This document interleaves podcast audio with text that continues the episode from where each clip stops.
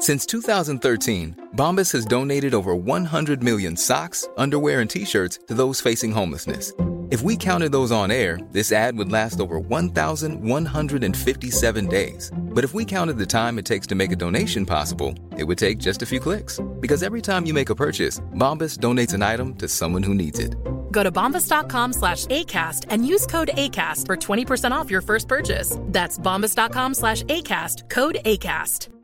Ryan Reynolds here from Mint Mobile. With the price of just about everything going up during inflation, we thought we'd bring our prices down.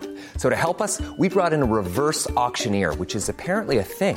Mint Mobile unlimited premium wireless. Ready to get 30, 30, bit to get 30, bit to get 20, 20, 20, bit to get 20, 20, bit to get 15, 15, 15, 15 just 15 bucks a month. So, Give it a try at mintmobile.com slash switch. $45 upfront for three months plus taxes and fees. Promo for new customers for limited time. Unlimited more than 40 gigabytes per month. Slows. Full terms at mintmobile.com.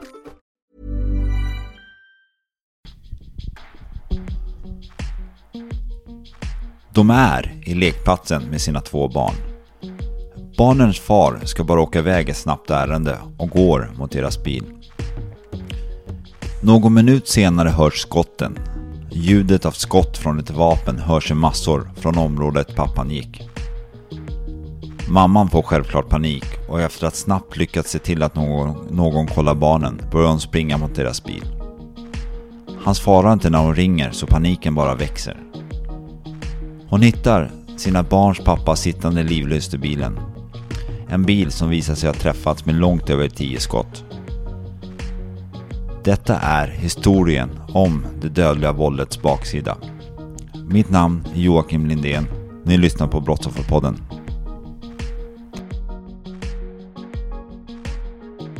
Är du redo? Yes. Yes, yes. Hej! Hej, Hej, välkommen till den här podden. tack så mycket. Jag är jätteglad att ha det här, här jag är jätteglad att ha det här, här idag, säger man så? Här idag, här, Här idag. idag. Ja. Det är så att vi har pratat en stund, ganska, under en ganska lång stund och velat, jag har velat vara med här, du har tvekat, du har, jag vet att du har fått frågor från andra podcaster och även eh, radioprogram och eh, prata om den här historien du tänkte berätta. Vad anser du själv är största skillnaden nu mot förut? Ja, det är väl mer att jag känner att eh, nu är jag redo att eh, faktiskt kunna prata om det. Eh, så att jag får göra min egna historia hörd. Eh, min sanning. Så det är väl mest därför. Och jag valde ju detta själv. Eh, I och med att vi hade ju pratat ett tag innan och sen så ja, var det ju jag som kände att nu, nu vill jag göra det här. Så jag är i alla fall jätteglad och det är en väldigt intressant, väldigt, väldigt viktigt ämne som det pratas väldigt mycket om och vi får, jag tror med den här historien också se kanske, inte den viktigaste för det är väl fel att säga, men en extremt viktig del, en vinkel i det hela. Hur folk verkligen blir drabbade och hur vissa nyheter kan slå ut fel också. precis. Så att du kan berätta lite, vem är det jag har framför mig? Ja, jag är en 33-årig tvåbarnsmamma. Eh, och eh, jag eh, jobbar och ja, som alla andra gör. Ja. Ja, och lever vidare. Yes, när du säger leva vidare, det var, det var hände någonting för ett par år sedan va? Ja, precis. Eh, för cirka två och ett halvt år sedan eh, så eh, gick mina barns pappa bort i en eh, skjutning. En skjutning. Ja. Kan du berätta lite mer ungefär vad det som hände och hur du nåddes av nyheten? Ja, eh, vi eh, var på en eh, lekplats och eh, lekte tillsammans med barnen. Eh, och eh, ja, de skojade och gungade och skrattade och sådär. Sen skulle han eh, iväg med eh, bilen, min bil, som jag hade parkerat utanför mig. Eh, precis utanför porten. Och eh, vi dividerade väldigt mycket om vi skulle följa med honom eller om jag skulle följa med eller sådär. Men båda är ju ganska envisa så att det slutade med att han gick bara då. Eh, så efter en tio minuter så säger han att eh, ja men eh, jag går nu då så kommer jag tillbaka snart. Och då sa jag okej men vi ses om tio minuter. Ehm, så han går, han tar en liten genväg genom ett litet skogsparti uppför en backe. Och jag och barnen packar ihop eh, cyklar och basketboll och sådär. Ehm, sen eh, under tiden vi gör det så ehm, så hör jag ehm, skott. Ehm, I form av, eh, alltså det är snabbt efter varandra. Och det är väldigt högt. Ehm, Får du några tankar när du hör skotten? Här, eller var det, undrar du vad det var först eller reagerade eller förstod du att det var skott? Och, Ja, det gjorde jag. Ehm, jag, eh, jag fick panik. Eh, sen var det någon tjej där eh, som var ute och rastade sin hund. Ehm, och hon sa, men jag kan ta barnen, jag kan ta barnen. Eh, så då lämnade jag barnen där med henne. Eh, det var en liten yngre tjej. Eh, och sprang upp samma väg som han gick då. Ehm, var du orolig där då att det var han som var blivit skjuten eller att var, var Ehm. du drabbad av det här?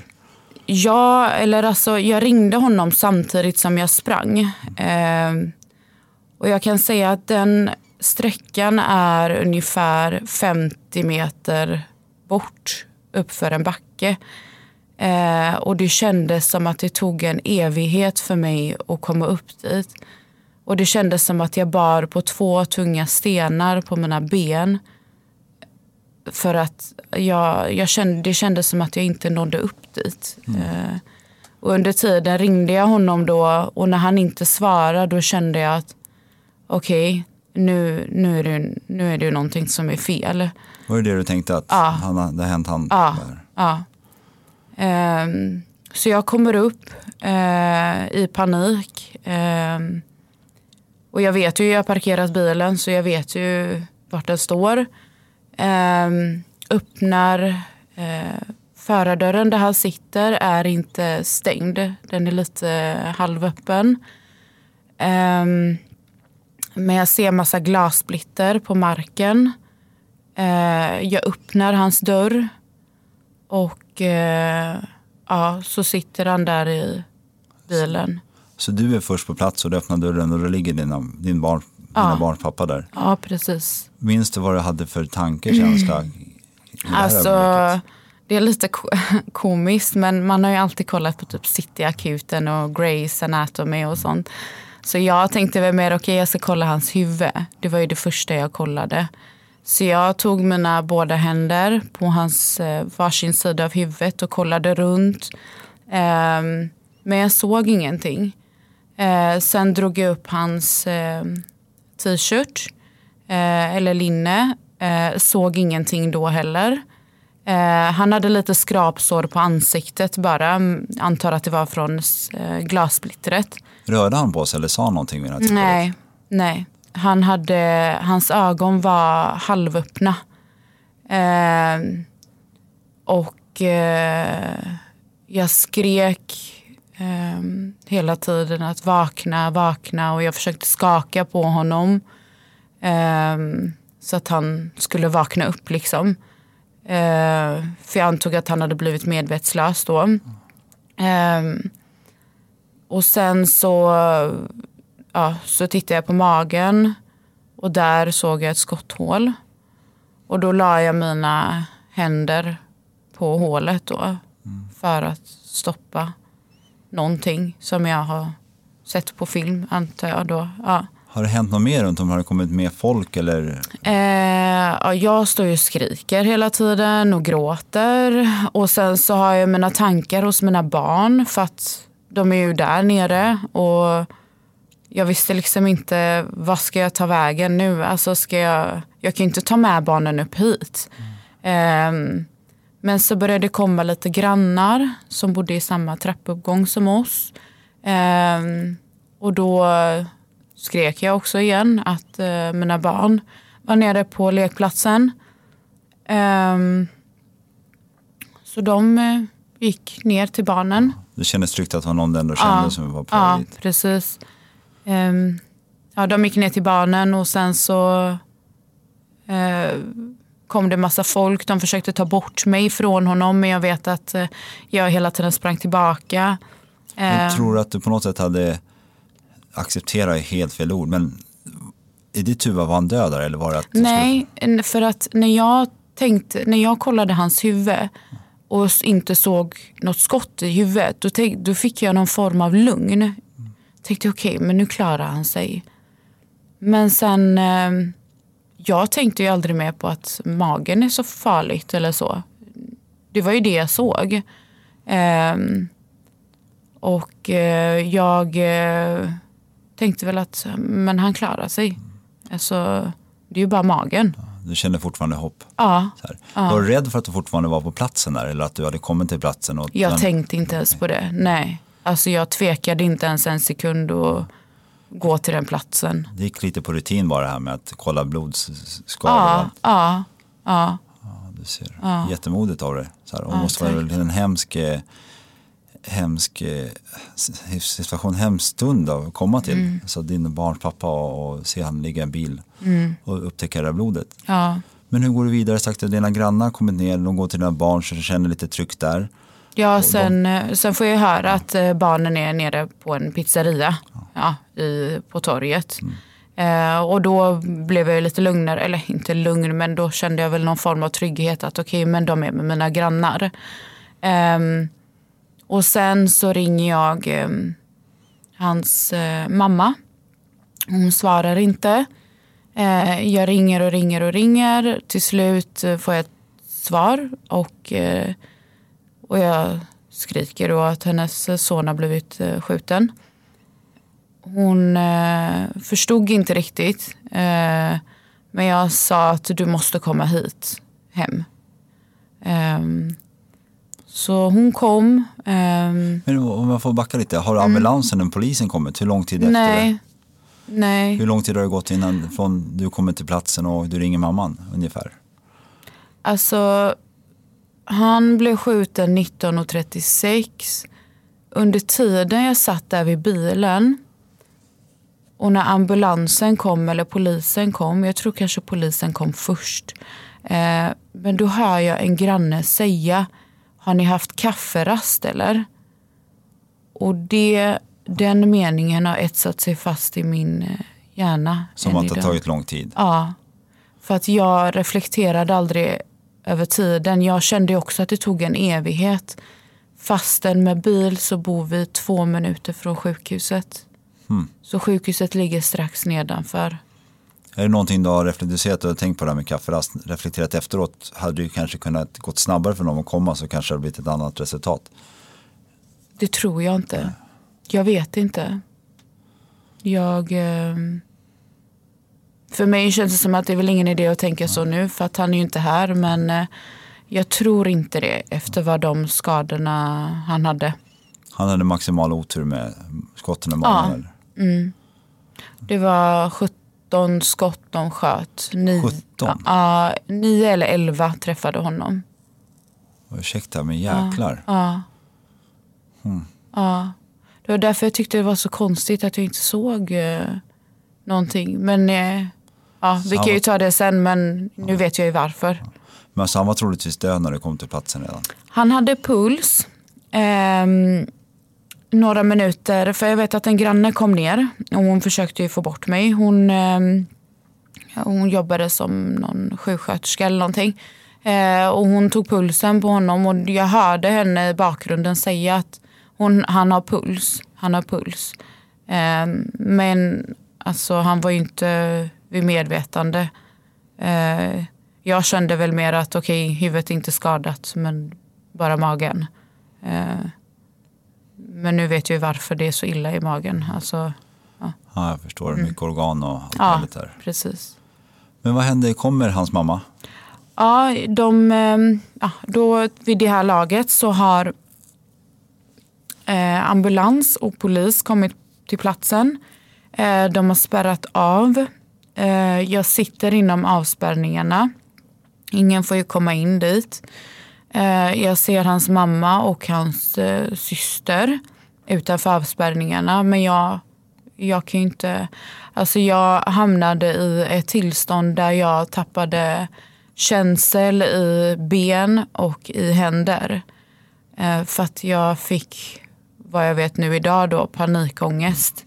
Ehm, så att jag eh, var inte ens, jag kunde inte ens gå. Alltså jag kunde inte ens röra mina händer eller fingrar. Eller, det enda jag gjorde var bara att sitta där medan de höll på att göra hjärt och lungräddning. Och jag bara grät och skrek. Och... När du tänker på, tillbaka på den här stunden från skotten till, eh, tills de drar ifrån dig. Minns du vad som du tyckte var jobbigast? Vad är det som har etsat, etsat fast det mest i? Det var väl med kanske hans... Eh Alltså jag minns ju fortfarande hans ansiktsuttryck. Jag minns att han lyssnade på musik. Han lyssnade på en låt från Tupac. Mm. Och jag hörde musiken. Han hade ju tappat hörlurarna så, alltså från öronen. Så att de hängde ju. Men jag hörde musik. Så det är väl typ sådana saker som... Har... Är det starka minnen i det fortfarande? Ja, ja. Allt är ganska starkt egentligen. Jag menar, nu när vi sitter och pratar om det så ser jag hela händelsen framför mig. Det är ingenting jag kan eh, eh, radera ut. Eller, alltså det är ingenting man kan glömma. jag eh. förstår det. För det låter det är ju sämst. Du är på en lekplats och tre sekunder, hör, bara sekunder efter det så hör du skott och kommer till en bil och han ligger skjuten. Ja. det, är ju, det måste vara bland det värsta som kan tänkas ja, hända det är en person. Det. Ja, för att hela mitt jag såg hela mitt, skulle jag ställt mig själv som en tredje person utanför allting. Hela mitt liv rasade på bara några sekunder och jag såg allting framför mig. Hur allting bara rasade isär.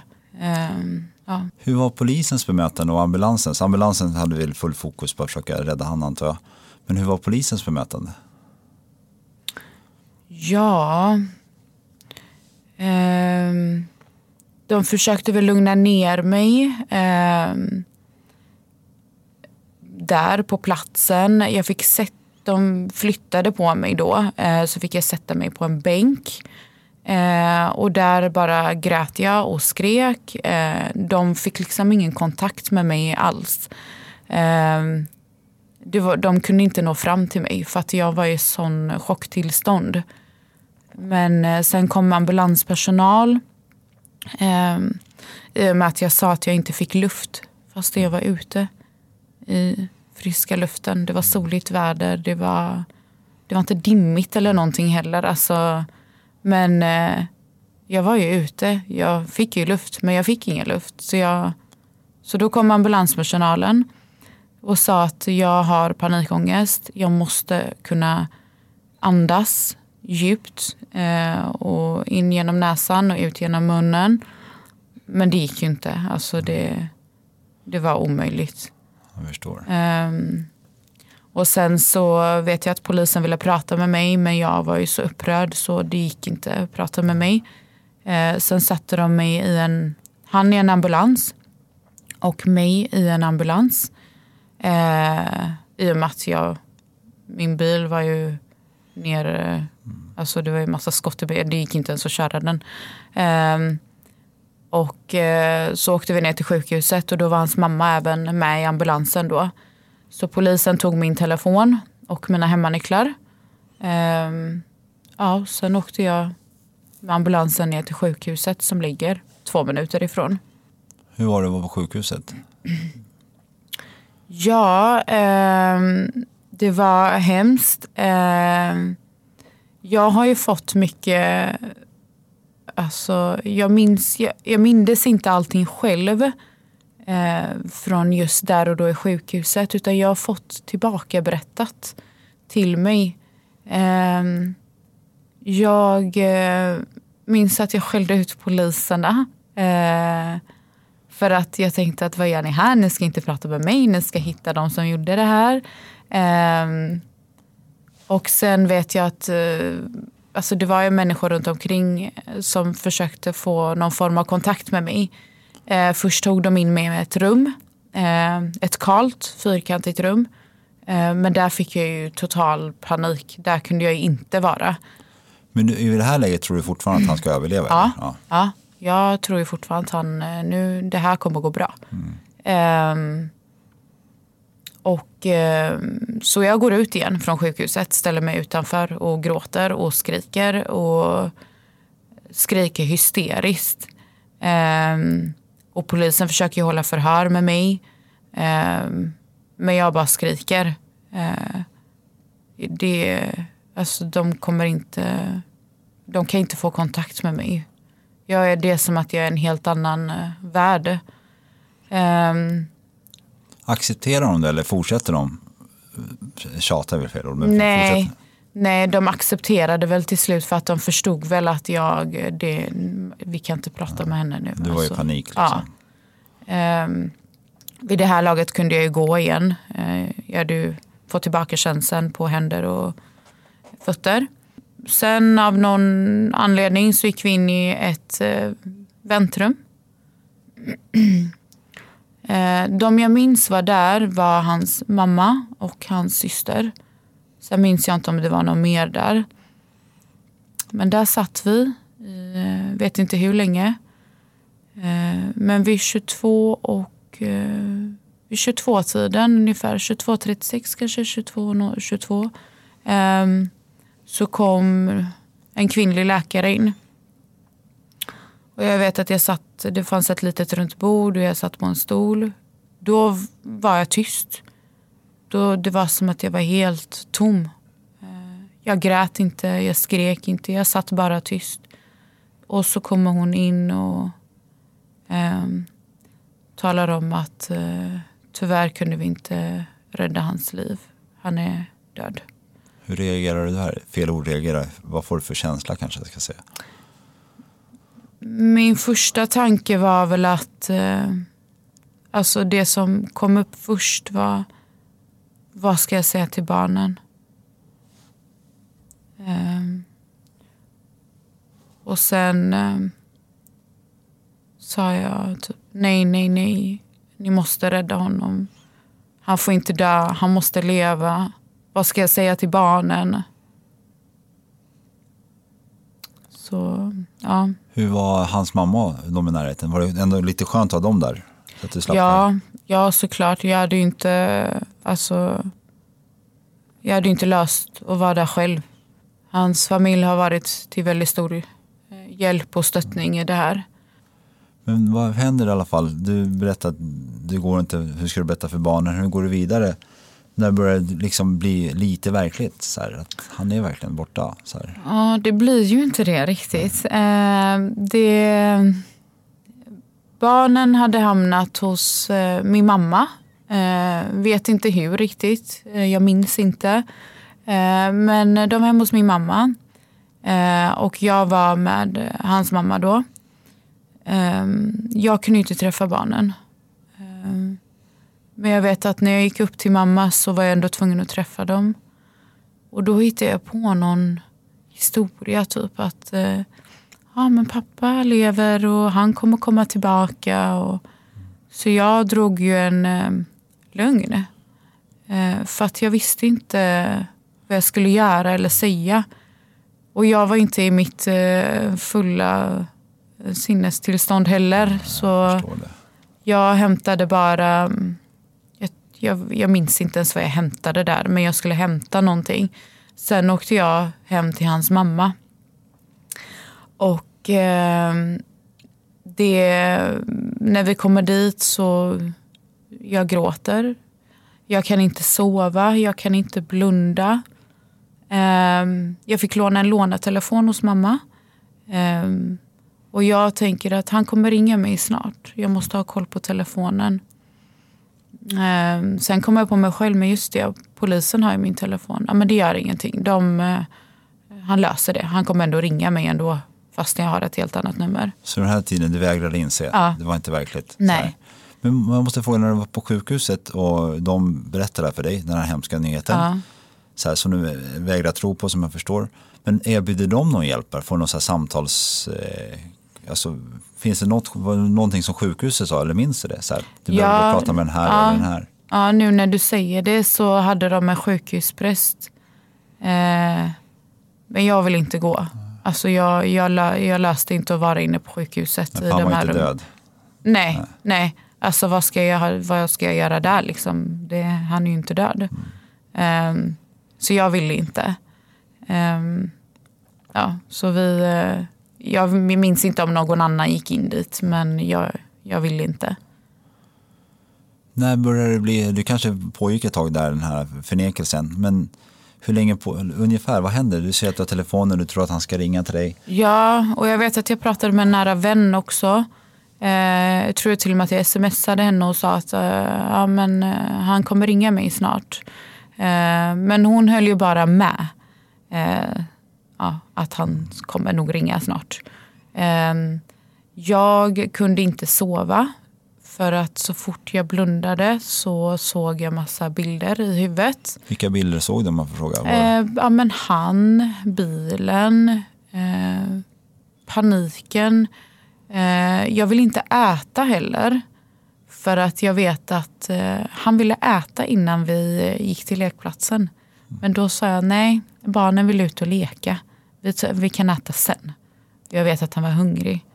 Så då vägrade jag äta på två, tre dagar. För att jag tänkte att varför ska jag äta om inte han äter? Ja, det kändes som att du tog ifrån honom. Ja, ja.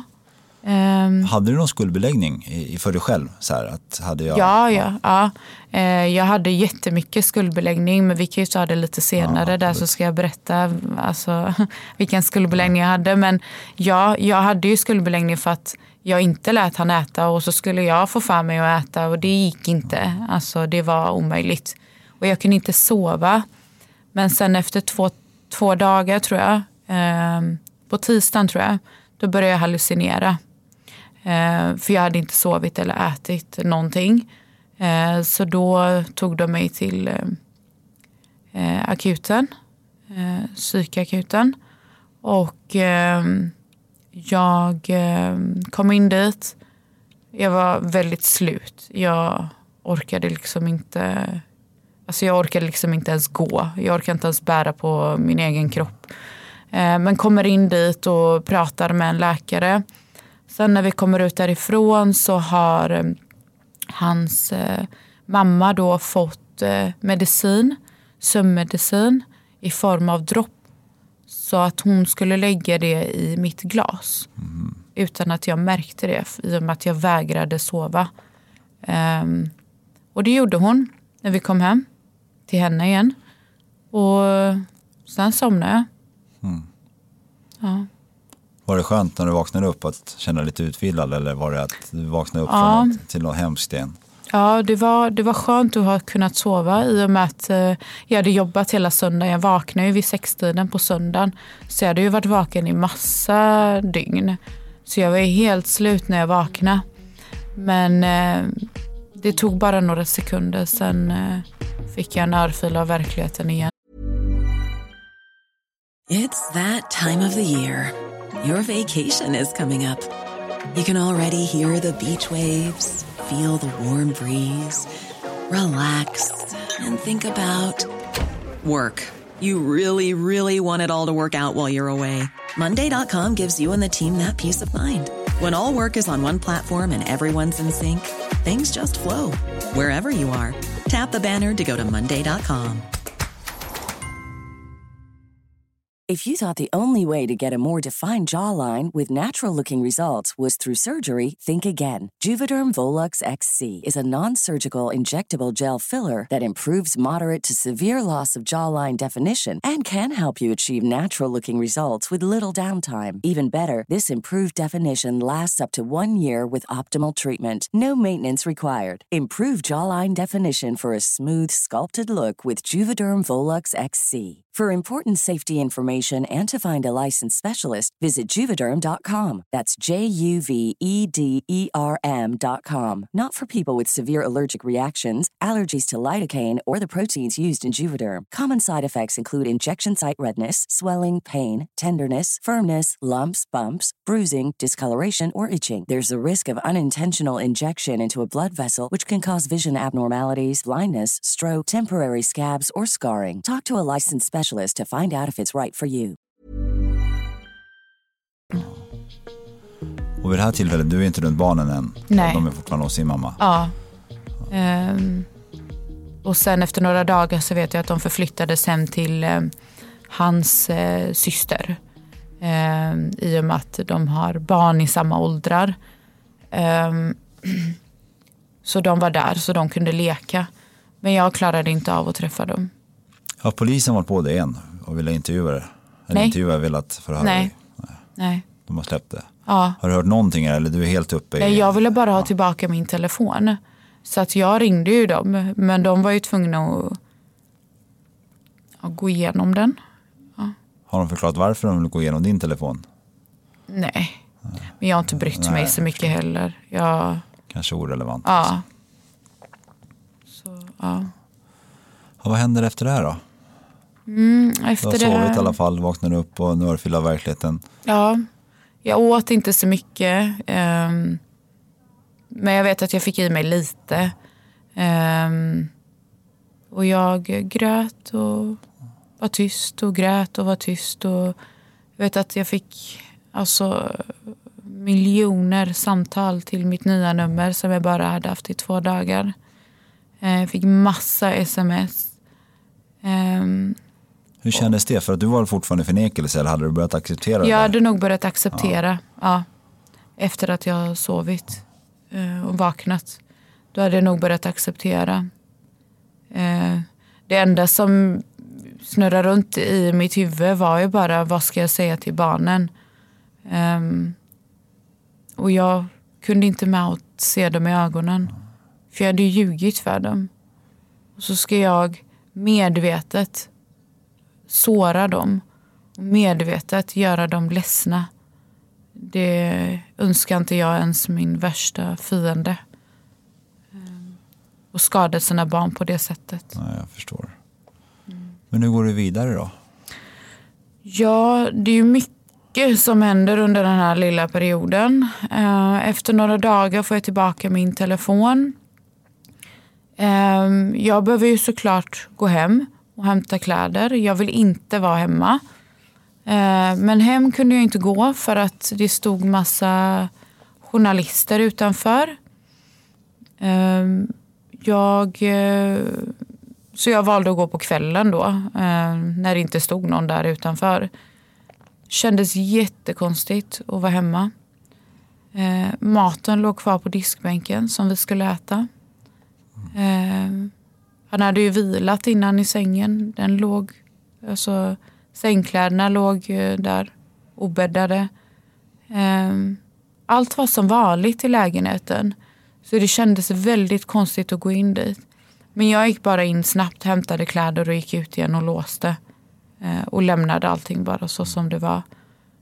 Ehm, och sen ehm, gick jag tillbaka hem till hans mamma. Under hela den här perioden så är det så mycket som ska fixas. Det är förhör med polisen. Det är visa för polisen hur vi gick, vad vi pratade om.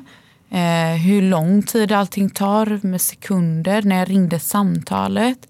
Eh, på det så är det allt med eh, eh, begravning kommer helt plötsligt upp. Sen ska, vill jag ju Men träffa... hur, ursäkta, men hur långt, eh, alltså under en ganska kort tid eller går det ganska snabbt? Det här med polisen, var det ganska snabbt efteråt Ja, eller? ja. Hur, men hur hade de för approach för dig? Hur såg de på hela det här? eh, Hur, hur, Alltså de, jag fick, eh, eh, hos polisen fick jag ju direkt en eh, kontaktperson eller vad man ska kalla ja, det. någon som tog hand om ditt, Ja. det här, eller ja, ditt, om fallet? mig. Ja. Ehm, så henne pratade jag väldigt, väldigt mycket med. Så det var ju mycket med polisen under första tiden. Ehm, och sen var det ju också det här med ehm, att vi ehm, skulle få träffa honom på bårhuset. Så jag var ju mycket på bårhuset att jag, jag måste få en tid, jag måste ju få träffa honom. Och du ville verkligen det? Ja. Se henne sista gången? Ja, ja. Men visst var det så att det stod någonting om här, den här grejen i tidningen också va? Mm. Så att mycket journalister, vad hade, vad, hur, hur tog tidningen? Hur- Vad stod det? Vad fick det här för, för approach utåt sett? Ja, alltså utåt sett så stod det ju eh, gängkriminell, eh, mördad. Eh, Hur var det när du läste det med tanke på att din, han var inte gängkriminell Nej. och han var tvåbarnsfar till Ja, dina barn. Liksom. ja. Eh, jag blev ganska arg eh, och frustrerad. Och jag vet att jag sa det till min kontaktperson inom polisen att du får ringa dem och, eller säga till dem att de får ta bort den överskriften för att det stämmer inte. Eh, han är inte gängkriminell för fem öre. Ehm, så det, det gjorde de. Så de bytte till eh, tvåbarnspappa Ja, men det istället. i Ja. alla fall någon sorts Ja, upprättelse väl för Ja. att säga, men att de i alla fall respekterar det. precis.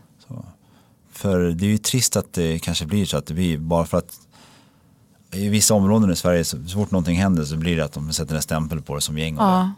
Ja. Så det var bra i alla fall att de respekterade det. Ja. Det var därför jag tog väldigt illa vid mig när de skrev så. För att det stämmer inte överhuvudtaget. Eh, Men det var ju tur att de ändrade det sen. Men polisen överlag var ändå rätt schysst mot dig. Ja, ja men det var de. Men hur, hur såg de på det här fallet? Tog de allvarligt på det? Gick de hårt in och verkligen ville försöka få någon sanning som komma ur det? Ja, eh, nu kunde ju de såklart inte berätta allting till mig hur de jobbade och vad de gjorde. Eh, vilket jag förstår för det var ju sekretess. Men eh, jag fick ändå hyfsat bra information under den här perioden. Men eh, jag hade ju önskat att det gick lite snabbare. Fast man vill ju veta hela tiden. Det är det enda man sitter och väntar på i sina dagar. Det är att bara veta, veta, veta. Har de tagit någon nu? Vad händer nu? Hur långt har de kommit? Eh, Men alltså de, de var bra. Var de. bra. Ja. Yes. Så samtidigt som polisen gjorde sitt arbete så pratade vi lite inom bårhuset. Skedde det här samtidigt ungefär? Ja. Samma period? Ja. Fick du komma in där hyfsat snabbt eller skulle de göra en sån här uh, option tror jag det heter innan kanske? ja, precis. De skulle göra en eh, obduktion på honom. Ehm, ja, och jag ehm, fick väl tid efter några dagar. Det här hände ju på en söndag. Så jag tror att veckan efter fick vi träffa honom på bårhuset. Hur var det? Det var jättejobbigt. Extremt jobbigt var det. Var du där med hans mamma också eller? Hans mamma, systrar, deras män, pappa och så två, tre vänner. Hur var det att se din, dina barns pappa ligga sådär? sådär? Kanske en dum fråga men Alltså, nej men bara då försökte jag väcka honom igen. Ja, okej. Ja. Ehm, jag viskade i hans öra, vakna och vi väntar på dig och ehm, ja. Så jag satt, jag låg bredvid honom, alltså bredvid honom, jag la mitt huvud. Men det var väldigt jobbigt på huset. ja, jag förstår det. Ja. Här. Men var det också nu i efterhand att det var ganska skönt att få nu känner nu kommer ju begravning efter det så du fick se henne en sista gång kanske. Ja, precis. Ehm, ja, eh, vi fick ju se honom sista gången innan begravningen och det var då jag stängde hans kista. Uh, var också extremt jobbigt att stänga en kista. Ehm, men eh, det måste ju göras. Ja. Men om vi tar, vi antar att där innan begravningen att du hunnit berätta för barnen. Så här, hur var stunden mellan, eller hade du gjort det? Nej, eh, jag hade inte, eller innan begravningen så hade jag ju berättat. Ja. Eh, men då hade jag sedan tidigare haft kontakt med en terapeut som jobbar inom social och resursförvaltning. Var det din idé att ta Ja, kontakt? jag har haft kontakt med henne innan så vi känner varandra. Eh, men hon kontaktade faktiskt mig först eh, och sen så ville hon prata med mig eh, och träffa mig. Eh, och jag vet att jag ringde henne någon vecka efteråt eller kanske två veckor efteråt. Och så gick jag och träffade henne. Och då pratade vi om det här och hon lyfte upp mig, hur bra mamma jag är. Hur duktig jag är. Eh, hon gav mig väldigt mycket hur, hur jag skött allting på ett bra sätt ändå. Ehm, och då pratade vi också om vad jag skulle berätta för barnen. Eh, vi, jag minns att just det mötet så pratade vi inte så mycket om det utan vi pratade mer om hur jag mådde. Och det var väldigt skönt att prata med henne. Och jag kunde berätta allt för henne, hon dömde inte mig. Och det tyckte jag var så himla bra i och med att hon jobbar ändå på en statlig myndighet. Ehm, men hon dömde aldrig mig. Som har också hjälpt om dig också hur du skulle möta dina barn. Ja, vi eh, prat, hade ett till möte ehm, och då hade jag bestämt att jag skulle berätta för barnen den här dagen. Och jag bestämde att vi skulle ta det ute. Eh, I en park. Hade de ställt någon fråga där barnen innan? Vad, vad pappa är och sånt? Jag hade inte pratat med dem. Ah, okay. Och då hade det gått ungefär en och en halv, två veckor. Mm. Så du var så rädd för just det här ögonblicket? Ja. Vad du skulle säga? Och just, ja. Kände du, du nämnde förut att du, att du hade ljugit för dem. Ja. frågan. Var det, gnagde det dig också? Ja, jättemycket. Ja. Det var som eh, en stor sten på mina axlar. Jag lös, alltså jag tänkte varför ljög jag? Idag kanske du förstår varför du ja. Ja. ja. Men där är man ju en bubbla. Man fattar ju ingenting där. Ehm, jag, eh, ja, men så träffade jag henne då den dagen jag skulle berätta för barnen. Ehm, så vi sätter oss i ett rum eh, och pratar. Och hon talar om för mig att säg så mycket sanning som möjligt till barnen. Du behöver inte överdriva med sanningen men så mycket sanning som du bara kan. För barn vet mer än vad man tror. Och, eh, du är... Hur gamla var, ursäkta att mm. hur gamla var barnen här? Kanske... Eh, det var ju för två och ett halvt år sedan, så sex och åtta. Sex och åtta, okay. ja. Så de var ändå så att de hyfsat ja. små fast ändå ja. helt, helt småstora om man säger. Precis. Eh, och i och med att de hade varit där och hört skottlossningen så fattade de ju ändå att okay, det var ju någonting. Mm. Nu är det ju någonting som har hänt. Så att de var inte helt eh, omedvetna om vad som har hänt. Eh, men då vet jag att jag pratade med henne och hon sa så till mig att säg så mycket sanning som möjligt för att eh, ja, barn vet mer än vad du tror. Och sen varnade hon mig lite också att eh, du, eh, du kommer nog få olika reaktioner från barnen. Förvänta dig inte att de ska börja gråta eller så utan de kan skratta eller de kan det var, kan vara som att du inte ens har sagt någonting. Mm. Um, och det stämde. Så jag eh, går ut därifrån, åker till den här parken där barnen är.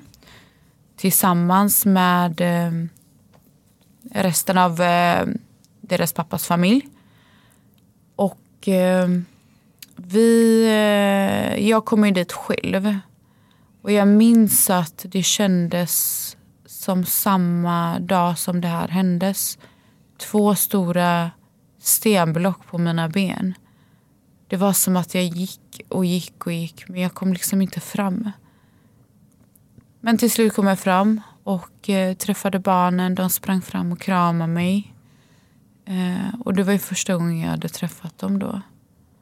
Eh, och jag började gråta. Fast jag försökte inte visa det för dem. Eh, men vi satte oss på en bänk. Hans familj gick lite längre bort.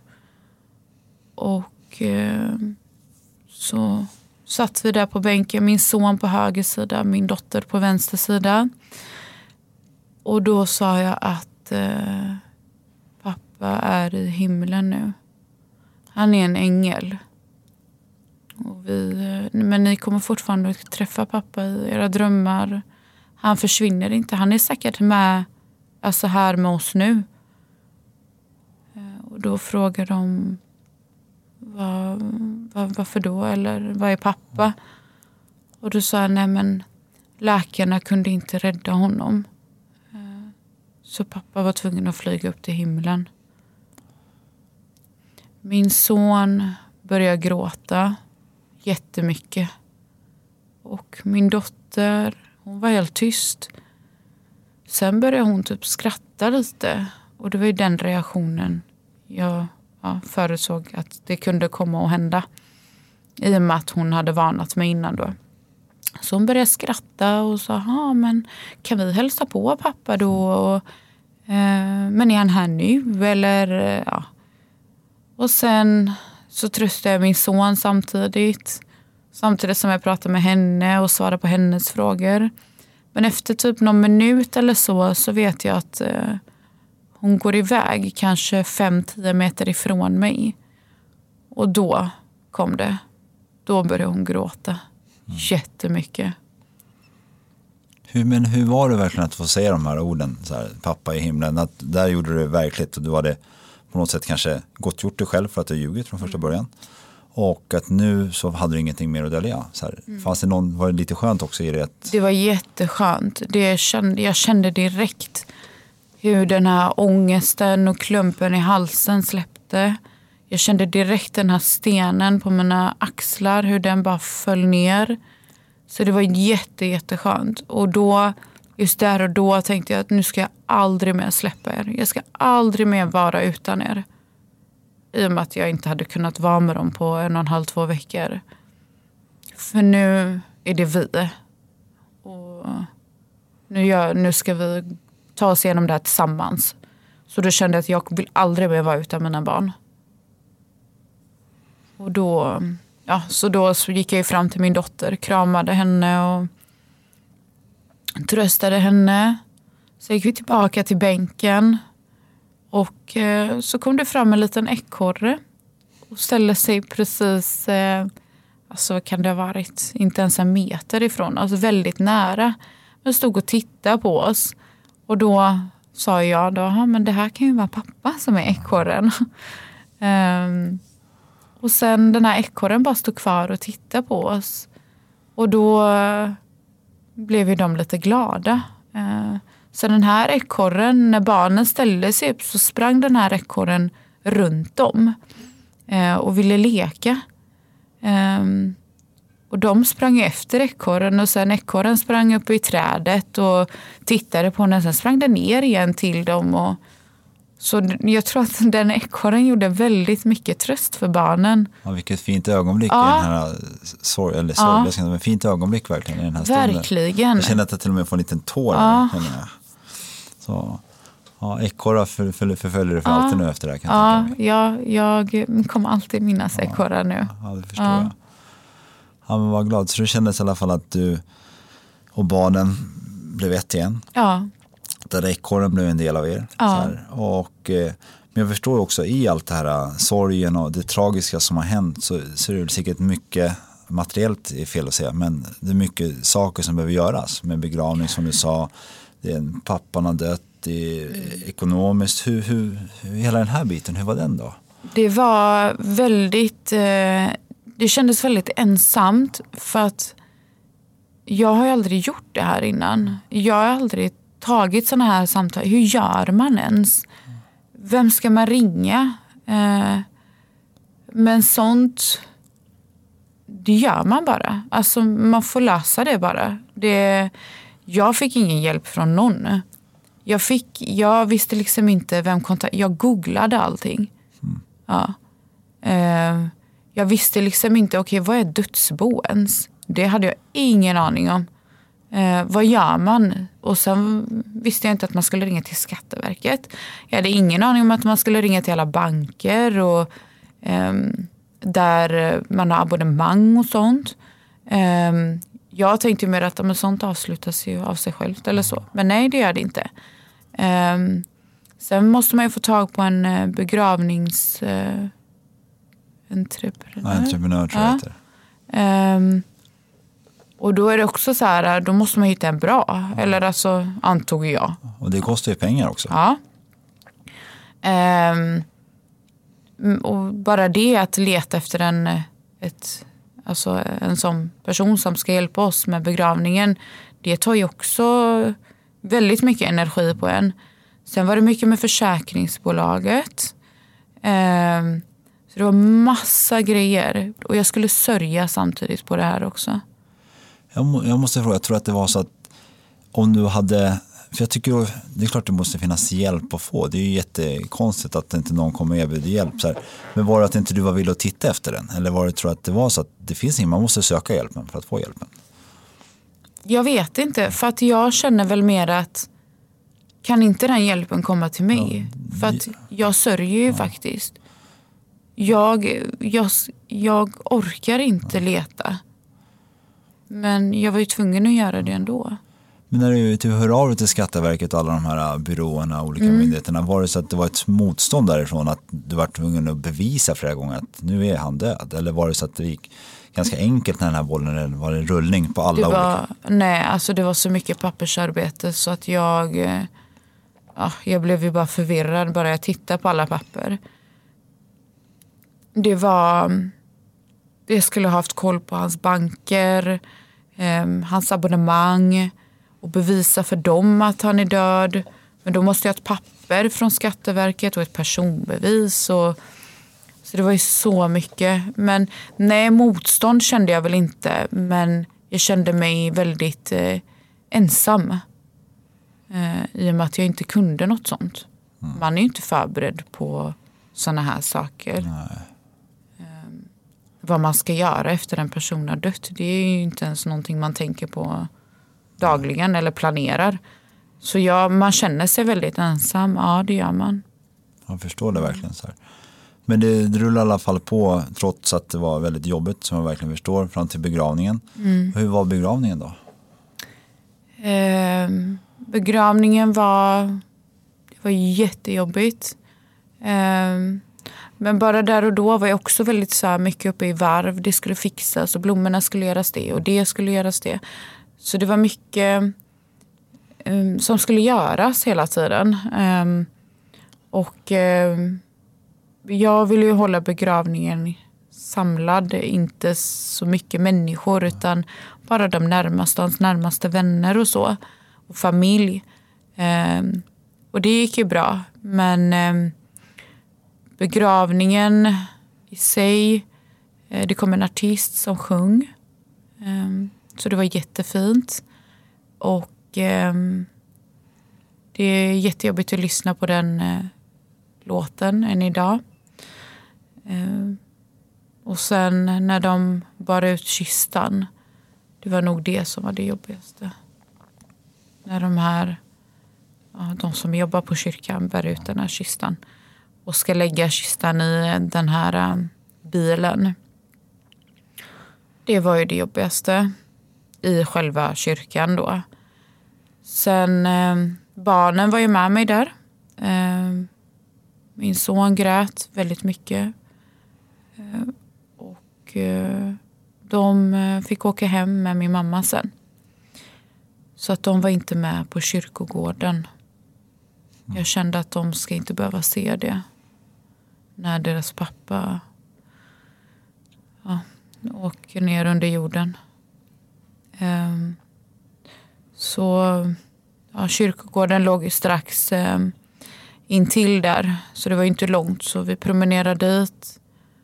Och uh, ja, när de sänker kistan är också väldigt, väldigt jobbigt. Det är som att nu, nu är det över. Nu är det mm. slut på riktigt. Um, Men tror du också att, att det var riktigt jobbigt att det på något sätt kanske det här slutet blir början på något annat. Så här, något, något väldigt ovisst såklart med tanke på att han är borta. Men att när, när, han väl ligger i graven eller ligger där nere så nu är han där. Så här, fanns det någonting skönt i det hela? Alltså... Det låter ju fel att säga skönt. Ja, jag, ja, men jag fattar vad du menar. Men jag kände väl att eh, just där och då så kände jag väl inte att det var så här, okay, jag kände bara att det här är slutet nu. Vad ska jag göra nu? nu har jag ingenting att göra. Jag hade inte hunnit sörja direkt utan jag var ju tvungen att fixa massa saker och papper och samtal och förhör. Och det var ju massa sånt. Och, och så bara kände jag att det var någonting som var tomt nu. Och då fick jag lite panik. Vad ska jag göra? Ja, jag förstår. Nu var du ensam med ja, bara... Ja, nu, nu fanns det ingenting att göra mer. Mm. Och då, då, men det var då också som jag började inse att shit, jag kommer aldrig mer träffa honom igen. Barnen kommer aldrig mer få träffa sin pappa igen. Och det var väl då jag eh, började sörja på riktigt efter begravningen.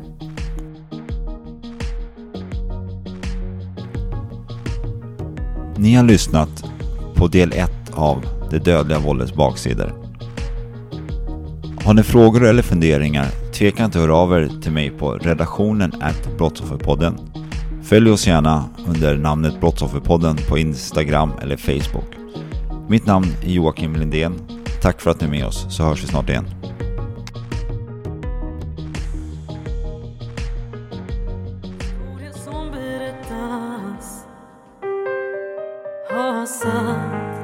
Satt sina spår